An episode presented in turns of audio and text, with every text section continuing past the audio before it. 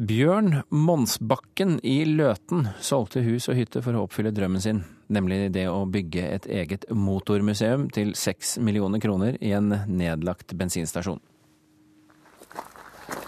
BP, ja, bensinstasjon som var her, ble bygd Selve stasjonen her ble bygd i 49. For to år siden kjøpte han den gamle bensinstasjonen med det nedlagte bilverkstedet på Ådals Bruk i Løten.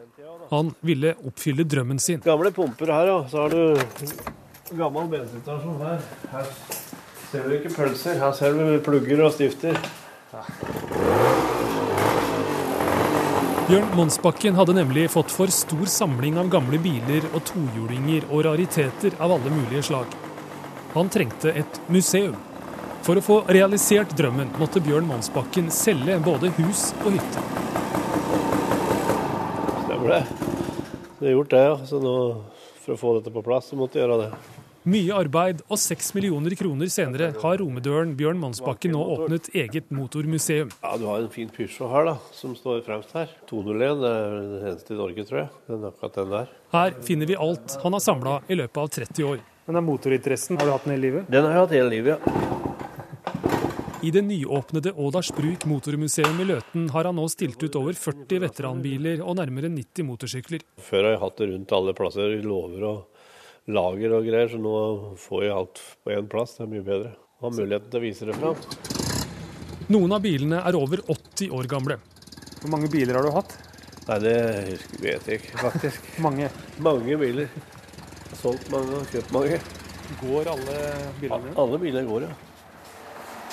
Her ser du vankelmotoren. Monsbakken viser fram en NSU Prins med vankelmotor fra 1965. Bilen har bare gått 23 000 km. Den har sjel, ja. Kjøretøyene har han kjøpt både i Norge, Sverige og Danmark. Den kjøpte jeg i Danmark en kar, og da måtte jeg ta med campingvogna. Hvis ikke så fikk jeg ikke kjøpt bilen. Du gir deg ikke så lett. Nei, jeg måtte stå på litt for å få den der. Så jeg var på Opel-treff nede i Sverige med bil og vogn i fjor. Det tok litt tid. Da måtte jeg ligge og kjøre bakveien nedover. Jeg lå i 40-50-60 km, det var maks for å greie det hodet.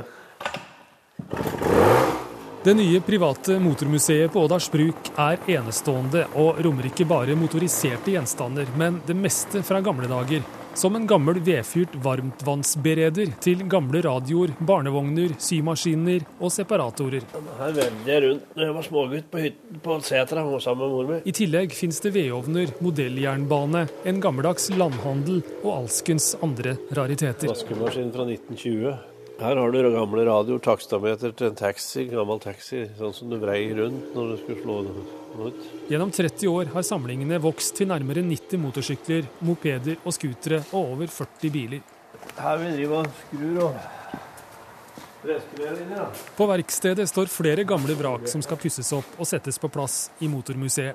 Ja, det er biler som skal i museet. Dette er noe NSU, og der har du en BMW iseta med, sånn med dør foran. Hvor mye penger han har brukt på å samle opp gjennom åra, tør ikke Bjørn Monsbakken å regne på. Hvor mye har du brukt på det, tror du?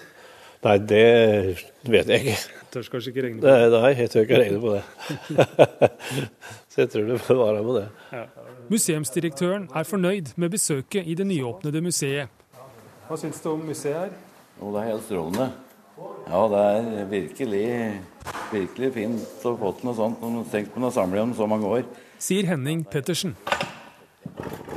Bjørn Mannsbakken regner med å bruke all fritida på museet framover. Du må bare prøve å få gjort det litt mer ut av det. Du blir aldri ferdig med dette her. Du må bare få rullert litt og forandre litt, så det blir litt mer attraktivt å komme tilbake. Eksoslukta kjennes. Den er bra, den. Den er god. Ja.